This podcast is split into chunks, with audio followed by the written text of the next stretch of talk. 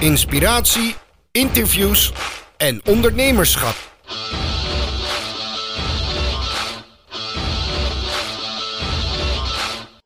Hey, hallo allemaal en welkom bij een nieuwe aflevering van Mark Onderneemt. Uh, deze keer met video en audio, dus dat is weer een, uh, een nieuwe stap. Dat is leuk. Uh, vandaag is in mijn show te gast niemand minder dan Jelle Driver, of moet ik tegenwoordig Jelly Driver zeggen? Ja, het mag allebei. Het is vooral de Jelly Driver. Ben ik, ik, mijn podcast heet de Jelly Driver Podcast, omdat als ik aan um, niet-Nederlandstalige gasten, vooral Engelstalige gasten, vroeg willen jullie inspreken? Uh, hi everyone, you're listening to the Jelle Driver podcast. Dan werd dat al gauw in het Engels de Jelly Driver podcast. Dus toen ik mijn naamswijziging van de Frank Watching podcast naar de Jelly Driver podcast had doorgevoerd, heb ik gekozen voor Jelly Driver, ja. Ja man, ik ben nog Jelly steeds... is al wel lang mijn bijnaam hoor, door, door vrienden zeggen. Die noemen, zeggen al heel lang, hey Jelly. Ja. Krijg je ook elke keer jellybeans cadeau zeker? Nee, nee, nog nooit. Nee, oh, ik, ja, ik, zie de, ik zal de briefbus in de gaten houden. Die komen natuurlijk nu met bakken binnen. Ja, dat kan haast niet anders. Ik ben natuurlijk nog steeds stukje Lewis op jouw korte interview met Gary Vaynerchuk in uh, 2016 was dat? Ja, dat was wel oh. heel kort hoor. Maar het is, dat is wel graag, grappig wat dat doet. Het was inderdaad heel kort. Ik heb hem geïnterviewd, dat klopt. En hij heeft ook ingesproken. Ja. Hi everyone, you're listening to the... I'm Gary Vaynerchuk, you're listening to the Jelly Driver podcast. Was, het al, was, die, was die omnoeming toen al uh, een feit? Nee, maar dat uh, zat er toen al wel uh, aan te komen. Dus okay. ik uh, dacht al wel met een vooruitziende blik, misschien is het handig om dat aan hem te vragen. Ja, precies. het is wel grappig, hè? In de marketing en, en zeggen ze wel eens, it's all about perception. En het feit dat ik gewoon alleen al dat fragmentje heb, dat Gary Vaynerchuk dat zegt. Ja, ja, ja. ja, dat, dat, dat, ja jij noemt het nu ook weer. Dat maakt dat mensen zeggen, oh, je hebt gewoon Gary Vaynerchuk. Ja, dat klopt. Ik heb hem geïnterviewd. Misschien vijf minuten of zo, maar ja. ja, ja, ja. ja dat zijn van die kansen die komen niet zo vaak voorbij. Hè? Zo simpel is het gewoon. En, uh... Als je een beetje, uh, de meeste mensen die nu luisteren denken, we hebben die gasten het over? Het gaat toch over ja. marketing meestal hier. En, uh, nou ja, dan, maar, uh, dan is Gary om, om mee te nemen. Ja. Internationaal kun je moeilijk om hem heen als het gaat om content natuurlijk, dat is ja. feit. hey, maar wij kennen elkaar al een paar jaar. Ik ben ooit een keer bij jou nog in de Frank Watching show destijds te gat geweest. Oh ja, zijn eerste boek inderdaad. Crush it. Ik was toen met mijn eerste boek bij jou, alweer drie jaar geleden. Drieënhalf, Klopt, ja. Dat klopt, ja. Die staat hier ook. Eh, eh, ik, ik zie hem zo gauw, maar hij staat hier in de kast. Ik, ik geloof je meteen. Een van die, uh, ja, weet ik niet, een witte kaft. Nee. Lekker belangrijk. Ja, ja, ja. maar voor de mensen die uh, hier naar kijken of luisteren, jou nog niet kennen, vertel even kort wie je bent en wat je doet. Zo, in het kort. Uh, Jelle Drijver, ondernemer, presentator, trainer, spreker, podcaster. En wat onderneem ik dan? Nou, ik doe de meeste omzet met het uh, verhuren en creëren van bedrijfsverzamelgebouwen. Dus ik help ondernemers bij het vinden van een uh, goede, leuke kantoorruimte. En ik probeer daar ook dat het onderling met die ondernemers een toffe plek wordt. Dat doen we in 14 panden, van Utrecht tot Rotterdam, Den Haag en Hilversum. Um, ja, dat is eigenlijk, en daarnaast word ik regelmatig ingehuurd als presentator of als ik zeg maar event of corporate vlogger. Ja, ja, ja, precies. Ja, dus ik, ik, ik film niet mee de leven om dat op zondagochtend op YouTube te zetten. Dat, dat vind ik niet zo zinvol. Alleen ik word wel steeds vaker geboekt door uh, PR-bureaus, reclamebureaus of uh, beursorganisatoren om met een camera over een beurs heen te lopen en daar dan uh, te interviewen. Ja. Ja. ja. maar dat heb je natuurlijk ook wel behoorlijk uh, goed over jezelf afgeroepen. Je bent het op een gegeven moment erbij gaan doen, uh, kan ik me vaak ja. herinneren. Want ja. uh, toen ik je drie jaar terug sprak, toen had je peper in je pand al. Ja. En uh, zo te horen flink uitgebreid, dus dat is tof. Daar hebben we het zo nog wel even ja. over. Ja. maar toen had je al zoiets van, ja, maar uh, acteren is leuk, presenteren is leuk. Hè, wat, wat doet aandacht met je? Dat is dan eigenlijk de vraag die daarbij hoort. Met mij privé, met mij persoonlijk? Ja.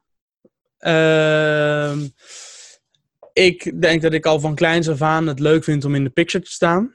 Uh, dus ik, ik, op, ja, ik denk dat er weinig. Er zullen veel mensen zijn die het misschien niet graag toegeven. Maar ik vind het wel leuk om uh, in de picture te staan. En ik vind het ook leuk om te horen als mensen het leuk vinden wat ik doe. Dat, is natuurlijk, dat geeft een, een goed gevoel. Ja. En, uh, dus dat, ja, dat doet aandacht met me. Ik moet, ja, ja, dat. Dus ik vind het leuk. Maar ik vind het ook gewoon. Maar ik vind het, het, het, het doen ook oprecht leuk. Dus ik vind het ook oprecht leuk om mensen voor een camera te interviewen. En af en toe eens in een commercial of zo mee te spelen en te acteren. En dat doe ik, dat doe dus de aandacht is niet de drijfveer. Ik vind het, het doen vind ik het allerleukste, maar die aandacht, uh, ja. Die aandacht die komt erbij eigenlijk. Ja, en dat, vind, en dat is natuurlijk, ja, ja. ja, je weet wat ik allemaal doe. Het zou raar zijn als ik dan nu zou gaan zeggen dat ik, nee, ja, aandacht, ja, nee, dat vind ik eigenlijk, nee, dat zou compleet onlogisch zijn inderdaad. Ja.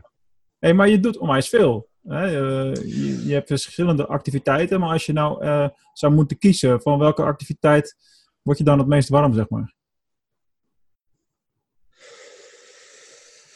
Zo, ja, dat is echt een gewetenskwestie. Want als ik er nu al over nadenk om... Want ik, ik heb vooral in de af... Ik deed echt heel veel. En ik heb echt wel wel afscheid genomen ook van een aantal zaken. Die, of maak altijd voor mezelf een denkbeeldige piramide, een driehoek. Met hoeveel tijd gaat erin zitten, hoeveel geld levert het op en hoeveel plezier heb ik eraan. Ja. En, eh, het mooiste is als, eh, als alle drie de factoren goed gaan, maar eh, minimaal twee. Dat is iets waar ik niet blij van word en wat heel veel tijd kost en waar ik weinig aan verdien. Dat doe ik gewoon sowieso niet. Als ik er niet blij van word, kost heel veel tijd en levert wel wat geld op, doe ik meestal ook niet. Maar als ik het heel erg leuk vind en het levert goed geld op en ehm, ja, het kost heel veel tijd, dan doe ik het bijvoorbeeld wel. Dus ik probeer altijd voor mezelf. Daar heb ik heel duidelijk keuzes in gemaakt. Dus ik ben eh, bijvoorbeeld gestopt met het maken van WordPress websites. Ik had op een gegeven moment een team met vijf mensen zitten onder mega exposure. En daarmee maakten we eh, websites en vooral in WordPress. En ik merkte dat ik daar steeds, na tien jaar, gewoon steeds minder plezier in had. Eh, steeds minder lol. Dus ik, ik, daar ben ik al mee gestopt. Ja. Oh, dus je vraagt me eigenlijk nu om, om met de dingen die ik nu nog doe, om daar dan met een van die dingen door te gaan. Ja, Ja. dan Je hebt, denk jezelf, je hebt jezelf al heel veel bedenktijd gegeven nu, dus dat doe je goed. ja, dus, ja de- ik denk toch peper in je pand. Omdat ik daar, als ik naar die factoren kijk, ik vind het en ongelooflijk leuk. Want het, het geeft me de kans om met heel veel ondernemers eh, in gesprek te gaan. Ehm, daarmee te sparren, te horen hoe zij eh, dingen aanpakken, waar ze tegenaan lopen. Ja. Ehm, het levert, eh, ik kan er goed van leven. Ehm, ja, en ik, ik kan het doen in de tijd die ik erin wil steken. Dus ik denk dat ik dan daarmee door zou gaan. Maar ik, ik, eh, het liefst zou ik die keuze niet maken. Nee. Want ik, wil, ik vind het podcast en het mensen interviewen vind ik echt nog steeds echt te gek. Ja, Ja, maar goed, daar herken ik me natuurlijk wel in, want eh, ja, ik heb ook een online marketingbureau, een paar mensen zitten weer inmiddels. We doen veel e-commerce eh, dingen, veel SCA dingen tegenwoordig weer. Maar Ja. goed, ik zou dat, dat ik wij nu doen, dat podcast en zo, weet je, dat is gewoon ook een beetje de slagroom op de taart natuurlijk, of de kerst op de taart. ja. Nou ja. Ja, dus, eh, Ja, dat, podcast is voor mij iets wat bijvoorbeeld, als je naar die piramide kijkt, dat kost best wel wat tijd. Toch stiekem, hè? vooral eh, het voorbereiden, monteren. Jij doet, laat het door je assistenten doen, de voorbereiding en het inplannen enzovoort. Ik heb daar ja. dan een tooltje voor, jellendriver.nl slash eh, belafspraak. Kunnen mensen rechtstreeks in mijn agenda kijken wat een goed moment is. Ehm, maar dan toch het opnemen, het gesprek moet ik zelf doen. En ik wil eigenlijk de montage wil ik ook zelf doen. Het transcripten laat ik weer doen. Dus het ko- kost best wel veel tijd. En zeker. direct aan de podcast verdien ik niks. Ik bedoel, ik krijg, hè, mijn gasten betalen niet zoals bij Harry Mensen om bij mij te mogen zitten. En eh, ik word ook niet gesponsord. Dus ik, eh, maar goed, Nee, maar heb jij niet, het, heb jij niet hetzelfde, heb jij niet hetzelfde effect als eh, wat bij mij gebeurt? Ik bedoel, ik doe dat al 2,5 jaar of zo. Bij mij gebeurt het steeds vaker dat mensen binnenkomen met ik luister al een tijd naar de Ja, podcast en ik heb nu zeker. een marketingvraag, weet je wel? ja, Dus ja, in, daarom. indirect, hoe verdien je er niet aan? Nee, niet op korte termijn, maar op lange Niet- Dat termijn. bedoel ik ook, maar ik verdien er niet direct aan. Ik word niet gesponsord en mensen betalen mij niet om te gast te zijn. Nee, precies. Maar uiteindelijk levert het, hè, het, is, het is, voor mij is het gewoon een, eh, ik zie die tijd die ik erin steek, zie ik als een marketingpost. ja. Dus het, het- het draagt enorm bij aan je expertstatus. Ja. En ehm, het is natuurlijk een fantastische manier om enerzijds je eigen kennis ehm, ehm, te delen met de wereld. En mm, eh, je lift ook nog eens een keer, en dat klinkt misschien heel plat, maar je lift ook nog weer mee op de status van degene die je in je show te gast hebt. Nou, dat is niet alleen niet, dat is niet plat, dat is gewoon een strategische waarheid. Ik bedoel, Slim, ja. het werkt als een malle. Ik bedoel, eh, kijk naar eh Thijs Lenthout bijvoorbeeld. Die ja. heeft onwijs veel toffe gasten. Thijs. Dus dat zal ik hem even laten horen als ik hem zie. Ja, dat is goed. Ja. Maar eh, die, die, Leuk die, zei tweeënhalf jaar terug of zo, zei hij al, eh, ik ga eh, de show doen en mijn doel is om een uitverkochte theater te hebben. Nou, Ja.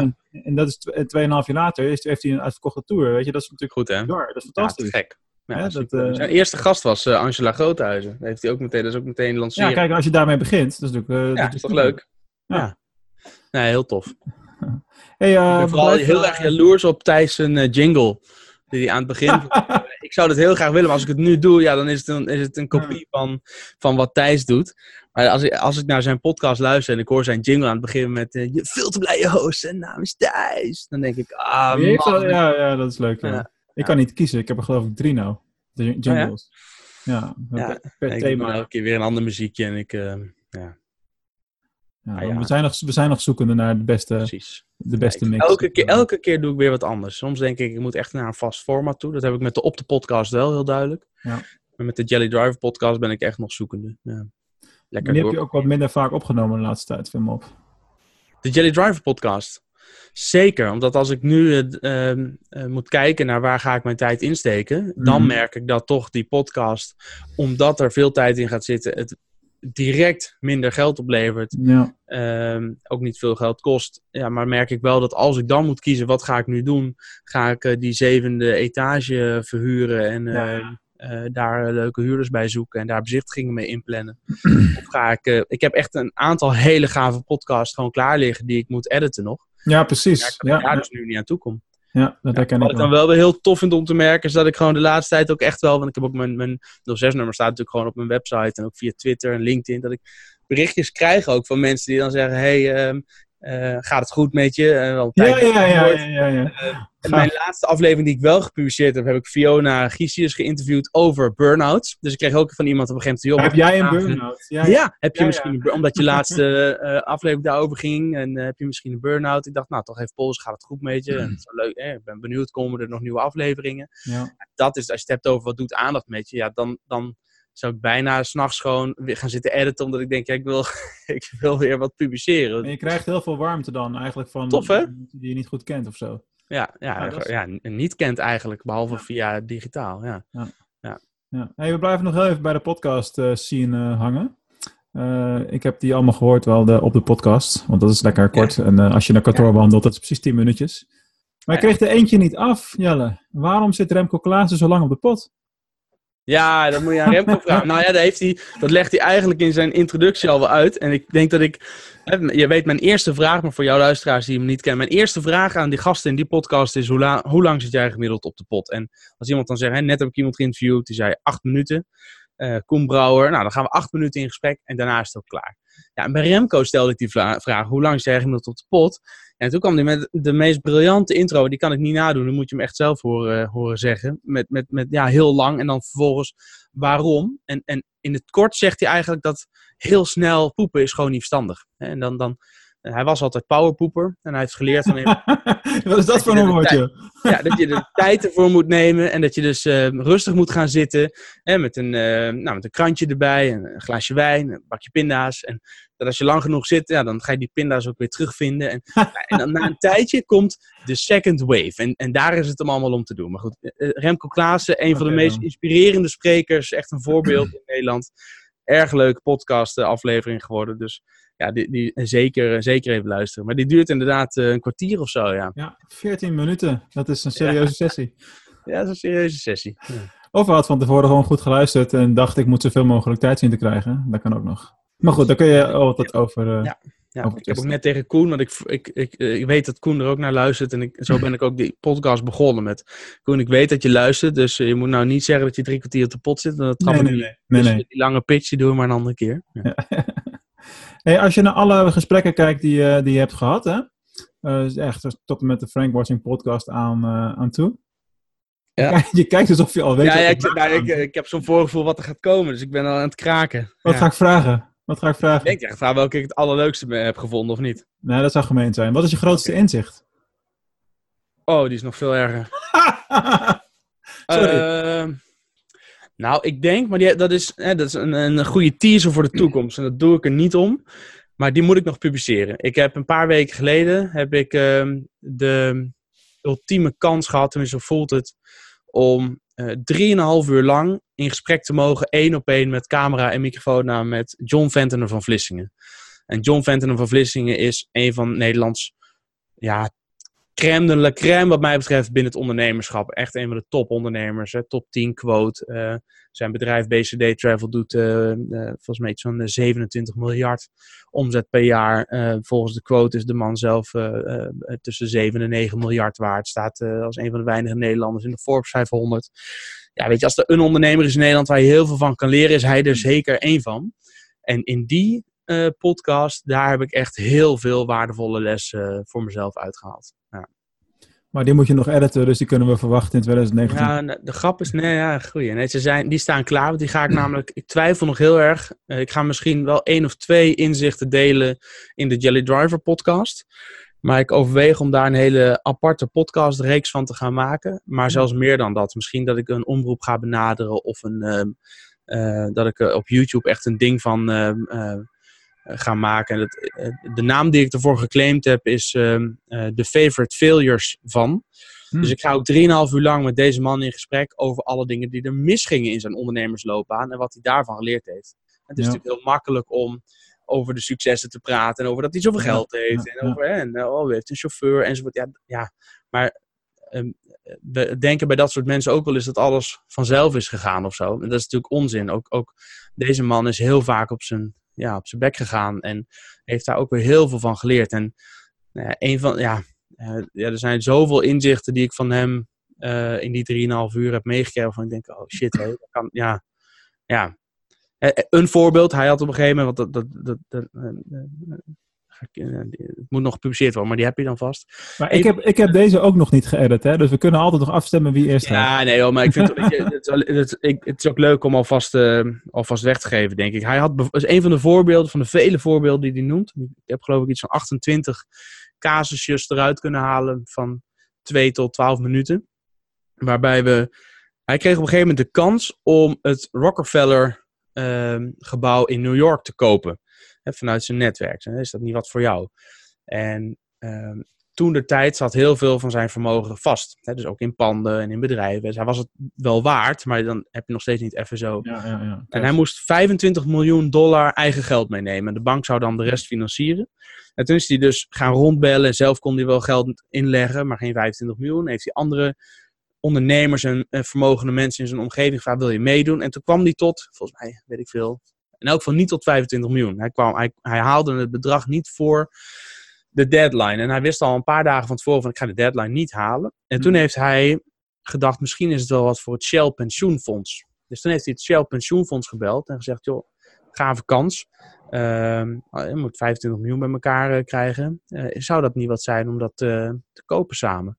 Waarop het Shell pensioenfonds zei, bedankt voor de tip, klik. En die hebben het daarna gekocht. Oh, nasty. 25, die hebben 25 miljoen neergelegd, eigen geld, de bank de rest. En zij hebben het gekocht. En meneer Van Vlissingen stond dus met lege handen.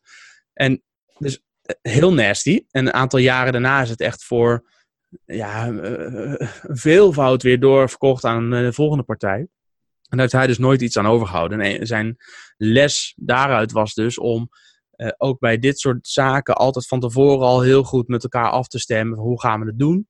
Ehm, en, en hij, hij zegt dus voor wat voor kansen er nu ook voorbij komen. We hebben voor bijna alles gewoon al contracten klaar liggen met fill in the blanks. En, ehm, ja. Ja, want het was eigenlijk in de markt heel gangbaar geweest als hij bijvoorbeeld 1% of zo, weet ik veel, van de, van de totale waarde dus van het pand, niet van die 25, maar van de, weet ik veel, 300 zoveel miljoen of zo. Als hij daar dan 1% van had gekregen, dan heb je dus nog steeds zoveel miljoenen. Ja, ja. Uh, en, ja, dat had hij, en dat heeft hij dus niet gehad. Dat is wel eigenlijk omdat hij op een open, uh, eigenlijk omdat hij op een open en eerlijke manier aan het ondernemen was. Maar dan word je dus, ja. dus, dus eerlijkheid en openheid kans bestaat. afgestraft. Ja, en je kan je dus ook afvragen in hoeverre uh, is dit een fout. Je kan ook, is hij nou fout geweest of is het gewoon fout van het pensioenfonds in dit geval om het zo te doen? Ik hou er ook van om gewoon kennis te delen en, en open te zijn. En uh, ik geloof ook dat uiteindelijk dat je verder brengt. Maar het is ook wel slim. Het raakt een enorm interessant uh, punt voor veel ondernemers, denk ik. Want waar ligt de grens, weet je wel? Eh, ergens heb ik ook wel een knopje met over gezegd van ja, als ik met iemand van Shell ga praten, heb je kans dat ze met mijn informatie aan de haal gaan. Ja. Als het niet een ja. uh, geheimhoudingsverklaring Ten, Ja, of tenzij het al een heel langdurige, goede, goede ehm, eh, verstandhouding is. Kijk, eh, Oké, dat, dat, is zo. Dat is zo. Persoonlijk voorbeeld. Ik heb een ondernemer die heeft een aantal jaren geleden, ik kwetsbaar opstellen nu, eh, heeft een aantal jaren geleden in een ander pand bij mij ruimte gehuurd. En toen werd dat pand dus gesloopt aan de Lomanlaan. En toen ja. hij is weer ergens anders toe gegaan. En nu kwam hij bij ons en zei hij, ik wil graag de ruimte huren. En toen heeft hij vrij fors onderhandeld. En uh, hij had ook nog een andere huurder aangedragen die ook eens gaan huren. Nou, toen op een gegeven moment hadden we gezegd van, nou, dan krijg je een huur. Uh, een, wat eh, eh, iets strakkere huurprijs. Omdat hij ook voor meer, gewoon langere tijd en zo wilde tekenen. Nou, oké. en toen zei hij van, nou oké, dan gaan we dat doen. En toen kwam er een paar dagen later, ehm, eh, heb ik dat voorgelegd aan de eigenaar van het pand. En de eigenaar die, die floot mij terug. Die zei, uh, ja Jelle, dat gaan we niet doen, dat is te laag. Okay. De markt is nu zo goed. En we hebben in het verleden inderdaad wel voor die prijs akkoord gegeven. Maar dat gaan we nu niet meer doen. Want het is nu meer waard, dus eh, sorry, maar eh, vertel ze maar dat het niet door. En ik had, ik had al gezegd, oké, dan ik had, we hadden de hand al geschud van, nou, dan gaan we het zo doen. En toen was er ook nog eens een keer, kwam er een andere partij en die zei, ik wil het wel huren voor een nog langere Ja, ja. periode. En die betaalde gewoon de normale prijs. Ja, ja, ja. Als ik daar tegen die tweede partij ja had gezegd, dan had me dat in dit geval eh, duizenden euro's meer opgeleverd over de looptijd gezien. Mhm. Toch heb ik uiteindelijk in eerste instantie die gozer opgebeld en zegt: Sorry, maar ja, ehm, ik mag het niet doen van de eigenaar van het pand. Waarop hij zei: Dan vind ik je echt een lul, want we hebben elkaar de hand geschud. En Ja. ehm, eh, wat ben je nou een eikel? Dat kun je toch niet nu zeggen: ja, de deal is van de tafel. En ik voelde me daar zo kut onder. Ik vond Ja. het zo ongelooflijk rot om dat te moeten vertellen. Ja, sorry, maar ik heb gewoon, ik, ik ben te ver gegaan. Ik heb gewoon, ja, ik, ik heb iets toegezegd wat ik niet had mogen toezeggen. Ja, dan moet je hand in eigen boezem steken. Dus ik met hangende pootje naar die eigenaar het hele verhaal uitgelegd en gevraagd: Wil je? We hebben zo'n goede relatie. We hebben dit tot nu toe zo goed gedaan. Dit is het verhaal. Ook open aangeven. Zo is het. Ehm, ik heb die andere partij heb ik ergens anders kunnen plaatsen in een ander pand van dezelfde eigenaar. En toen zei de eigenaar: Nou, oké, vooruit. Dus in een goede samenwerking toch gedaan. Ja, en wij hadden, niet, we hadden niks op papier. Dus formeel gezien had ik ook kunnen zeggen: Ja, sorry man, it's a hard knock life. Eh, you win some, you lose some. Eh, ga maar op zoek naar een ander pand.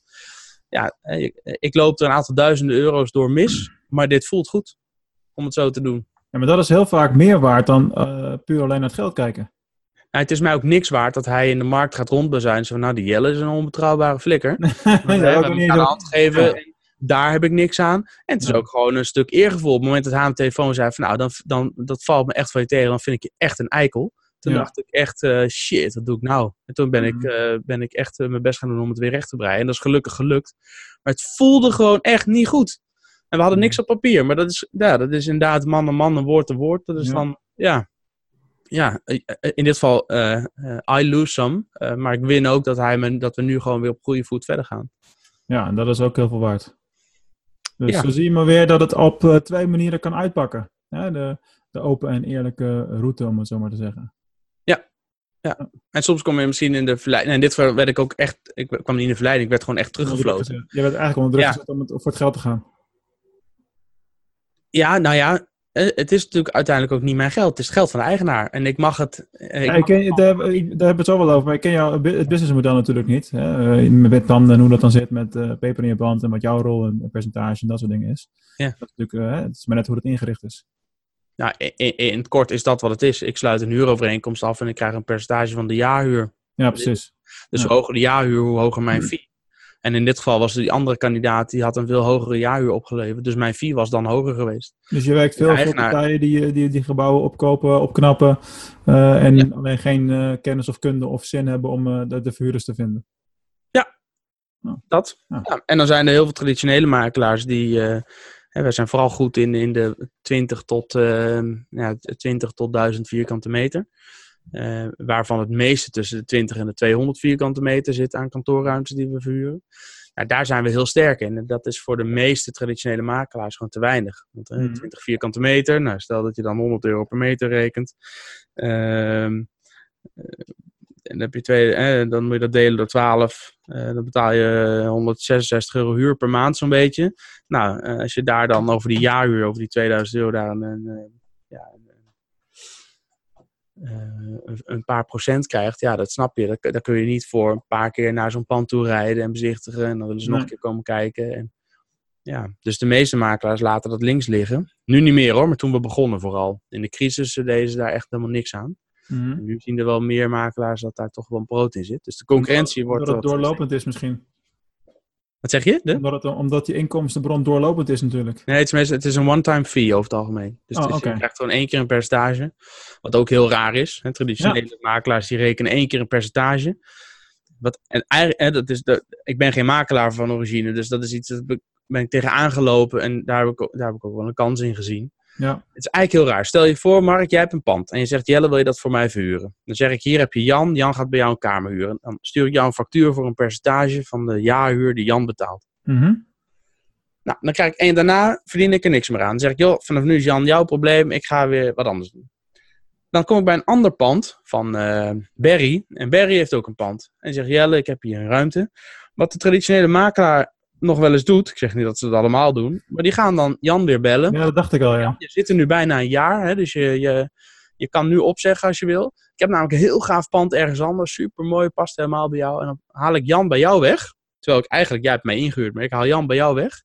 Die plaats ik bij Barry. Barry betaalt mij een percentage van de jaarhuur. En ik zet een andere huurder weer in die kamer bij jou. En dan moet je mij weer opnieuw betalen na een jaar. Dat eigenlijk is dat businessmodel, dat, dat het businessmodel werkt eigenlijk in de hand. Dat je dingen doet die misschien niet in het belang zijn van, uh, van de huurder. Exact. Of, en, en in de verhuurder vooral. In ja, ja, tuurlijk. Dat ook. De verhuurder betaalt mij, dus ik ben in dienst van de verhuurder. Nou, ik, ik zie het zo dat ik ook in dienst ben van de huurder, want die moet ik helpen aan een goede ruimte. En als ja. dat goed doe, en gaat ooit groeien, dan komt hij ook weer bij mij. Dus ja. tevreden houden. Dus ik heb op een gegeven moment gezegd tegen een aantal eigenaren, en dan is het grappig hoe vastgeroest die markt is. Je betaal mij nou gewoon wat lager percentage, maar wel elk jaar opnieuw. En als er dan iets is bij de huurder, mag hij mij bellen, ben ik zijn aanspreekpunt. Heb jij niet dat er honderd huurders jou bellen, maar ze mogen allemaal mij bellen. Uh, en dan ben ik gewoon, dan zeg ik wel tegen jou, joh, er moet een nieuwe wc-pot in en uh, regel dat. En dan communiceer ik naar die andere 99 uur. Dus wel, we weten dat die kapot is, wordt aan gewerkt. En, maar dan, en als iemand weggaat, dan stopt ook mijn toelage. Totdat ik er weer een huurder in plaats in die lege kamer. Dan hebben we een gemeenschappelijk belang. Ja, maar er zijn nu gelukkig een aantal eigenaren die zeggen, nou, dat vinden we wel een leuk model. Laten we dat eens proberen. En dat bevalt echt supergoed.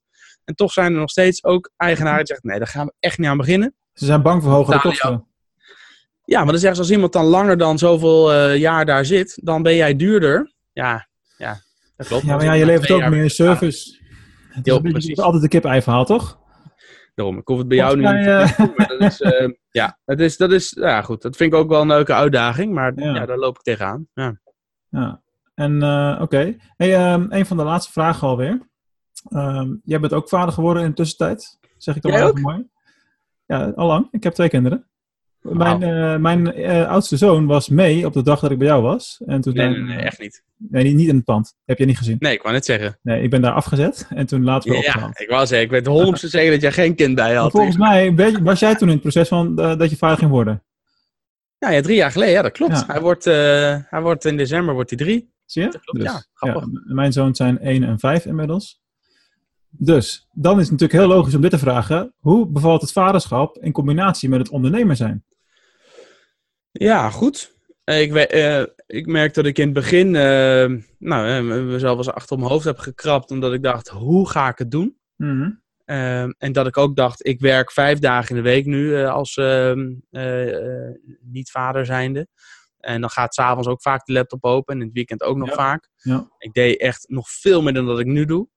En ik dacht, hoe ga ik dat ooit combineren? Ja, dan heb je zo'n klein mannetje voor de eerste keer vast. En dan snap je meteen dat dat ja, dat is voor iedereen die geen kinderen heeft, die denkt, uh, maar dat had ik, namelijk, had ik namelijk toen ook gezegd. Maar dat is echt zo. En dat, dat kun je niet uitleggen, maar vanaf dat moment dacht ik, ja, vanaf nu uh, is dit het aller, allerbelangrijkste in mijn leven. Ja. En um, ik moet gewoon zien dat ik het in, uh, dat ik het overdag ga regelen. Dus ik werk nu vier dagen in de week. Vrijdags ben ik thuis en in het weekend. En ik doe s'avonds bijna nooit de laptop meer open. Ik ga s ochtends op tijd naar kantoor en ik ga meestal zo tegen kwart over zes aan het einde van de dag ga ik naar huis. En in die tijd, maandag tot en met uh, donderdag, op die uh, tussen nou, zeg half negen, negen uur s ochtends en uh, half zeven s'avonds moet het gebeuren. Ja. Maar dan neem, dan neem je al een behoorlijk ruime werkdag door de week, hè? Dat is Jawel, maar ik ging dus van, als je kijkt waar ik vandaan kwam... Uh, ga, ga, Ze waren nog wat ruimer. ze waren veel ruimer, ja. Ik, zat, ik ging heel vaak s'avonds na het eten nog weer terug naar kantoor. Of dan zat Ja, ik ja. nog tot twaalf uur s'nachts nog achter op mijn laptop. En ik ben, doordat die kleine er is gekomen, wel heel kritisch gaan kijken naar... Wat doe ik nou eigenlijk? eigenlijk komen die drie punten waar we over begonnen... met hoeveel tijd gaat erin zitten, hoeveel geld levert het op en hoe leuk vind ik het...